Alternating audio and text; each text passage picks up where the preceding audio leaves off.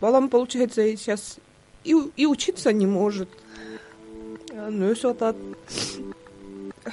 достору жок анан менин балама. Дальше как сложится у него жизнь.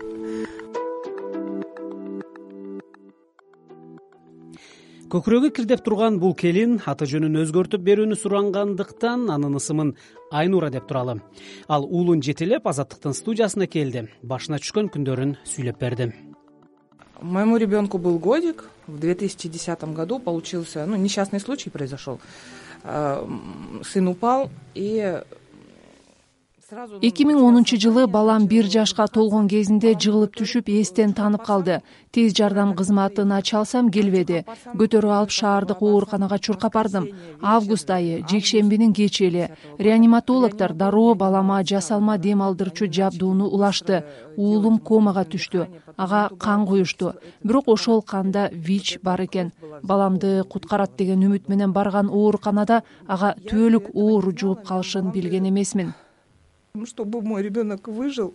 Но я не знала что мой ребенок выживет но станет при этом с инвалидностью. Айнура баласына вич жукканын башында билген эмес. Бир ай бою наристенин абалы жакшырбай улам дене табы көтөрүлө бергендиктен кызыл кыядагы ооруканадан чыгып уулун бооруна кысып бишкекке жөнөгөн баш калаада энени жана баланы коргоо улуттук борборунда дарылана баштаган ошол жерде тапшырган кан анализдеринде наристеде адамдын иммундук жетишсиздигинин вирусу вич аныкталган. Келиндин каны таза чыккан.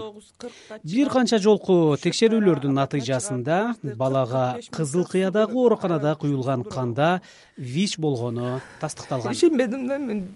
Не знаю да уже и умереть хотелось и прибить кого нибудь хотелось не знала куда идти кто виноват эмне кыларымды билбей калдым. Каяка барам? Кимди күнөөлөйм ошол жерде өлгүм келди. Баламды ойлодум. Анын менден башка эч кимиси жок.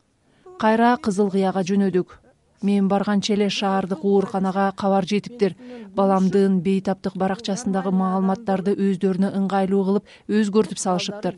Документ архивге кеткен деп мага бербей коюшту. Милицияга бардым прокуратурага бардым. Жагдайды түшүндүрдүм органда иштегендер менин үстүмөн күлүп туура жолдо жүргөн адамдын баласына вич жукпайт дешти. Ыйладым уруштум жалындым арызымды албай коюшту. Айнура жергиликтүү укук коргоо органдарынан майнап чыкпагандан соң эки миң он биринчи жылы жогорку кеңештин ошол кездеги депутаттарына дастан бекешев менен ширин айтматовага кат жолдоп жардам сураган анын арызы парламенттен ары башкы прокуратурага жолдонулуп териштирүү башталган. Прокуратура ишти сотко өткөрүп кызыл кыя шаардык сотунда териштирүү башталган жараян эки миң он төртүнчү жылы аяктаган. Сот чечиминде медицина кызматкерлеринин шалаакылыгы менен бала оорукчан болуп калганы бышыкталган бирок иштин мөөнөтү өтүп кеткендиктен тийиштүү медициналык адистер жоопкерчиликке тартылган эмес. бул аралыкта айнура ар кимдин басмырлоосуна кабылып көп тааныштары андан алыстап жекеленип калганын оор күндөрдү баштан кечиргенин билдирди. На улицу выйти нельзя да?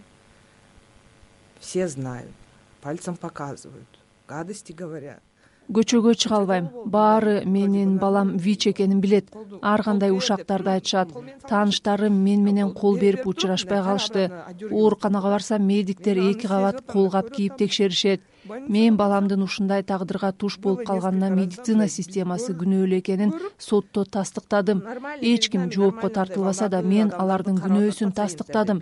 бирок адамдардын пикирин өзгөртүү кыйын экен. мектептерде дагы эле ачык сабактарда спид жыйырманчы кылымдын чумасы деген коркунучтуу жазуулар менен плакаттарды жасашат.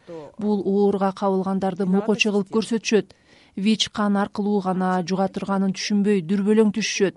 Ошондуктан кызыл кыядан кетүүгө туура келди. Азыр бишкекте жашап жатам. Азыр балам он бирге чыкты. Вичке кошумча башка оорулары деле бар жугуштуу эмес. Бирок эч кайсыл мектеп кабыл албай жатат.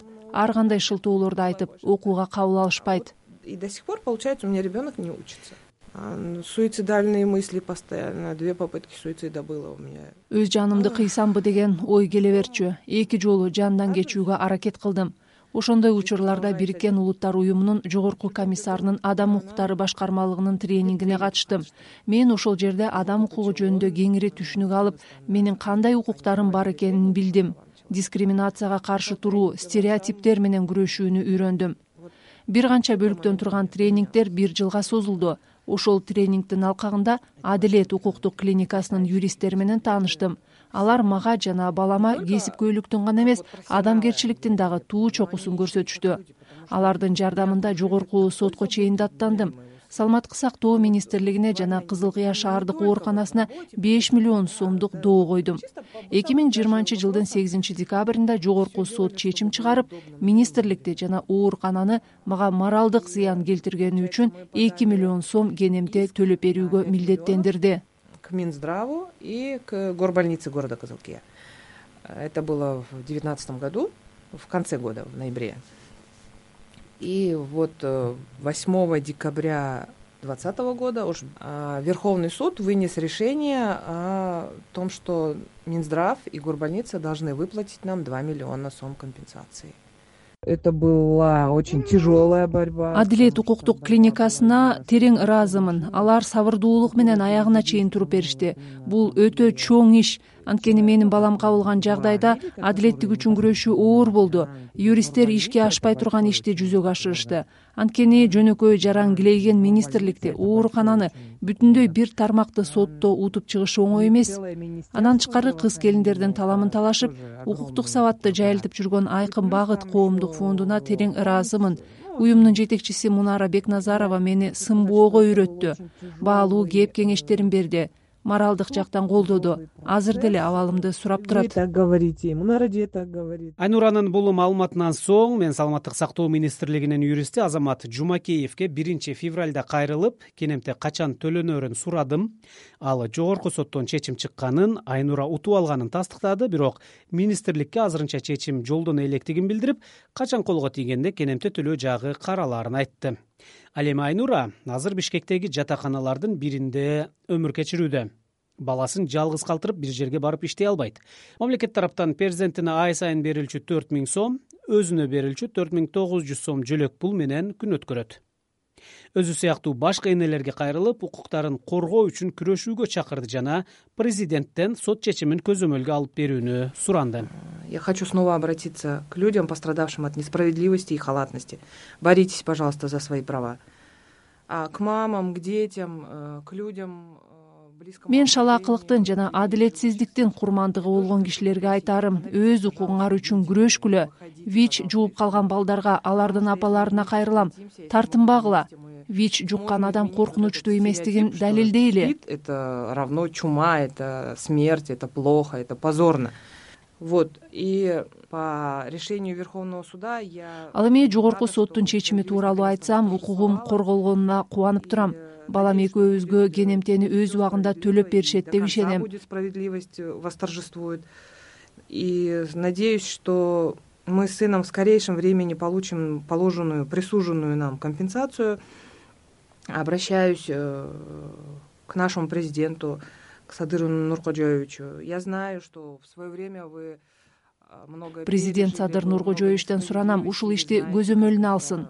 урматтуу президент сиз деле убагында адилетсиздикке туш болуп башыңызга оор иштер түшкөн. менин жагдайыма да көңүл буруп этибарга алып коюңузду суранам. Я надеюсь что вы как никто другой проникнетесь этой ситуацией нашим положением и возьмете на контроль процесс э, ну как вот этого возмещения компенсации и и ситуацию в целом. Спасибо большое. Кыргызстанда вич илдети жуккан балдардын расмий саны жети жүздөн ашат алардын үч жүз сексен экисине дарыгерлердин шалаакылыгы менен илдет жукканын республикалык спид бирикмеси билдирген.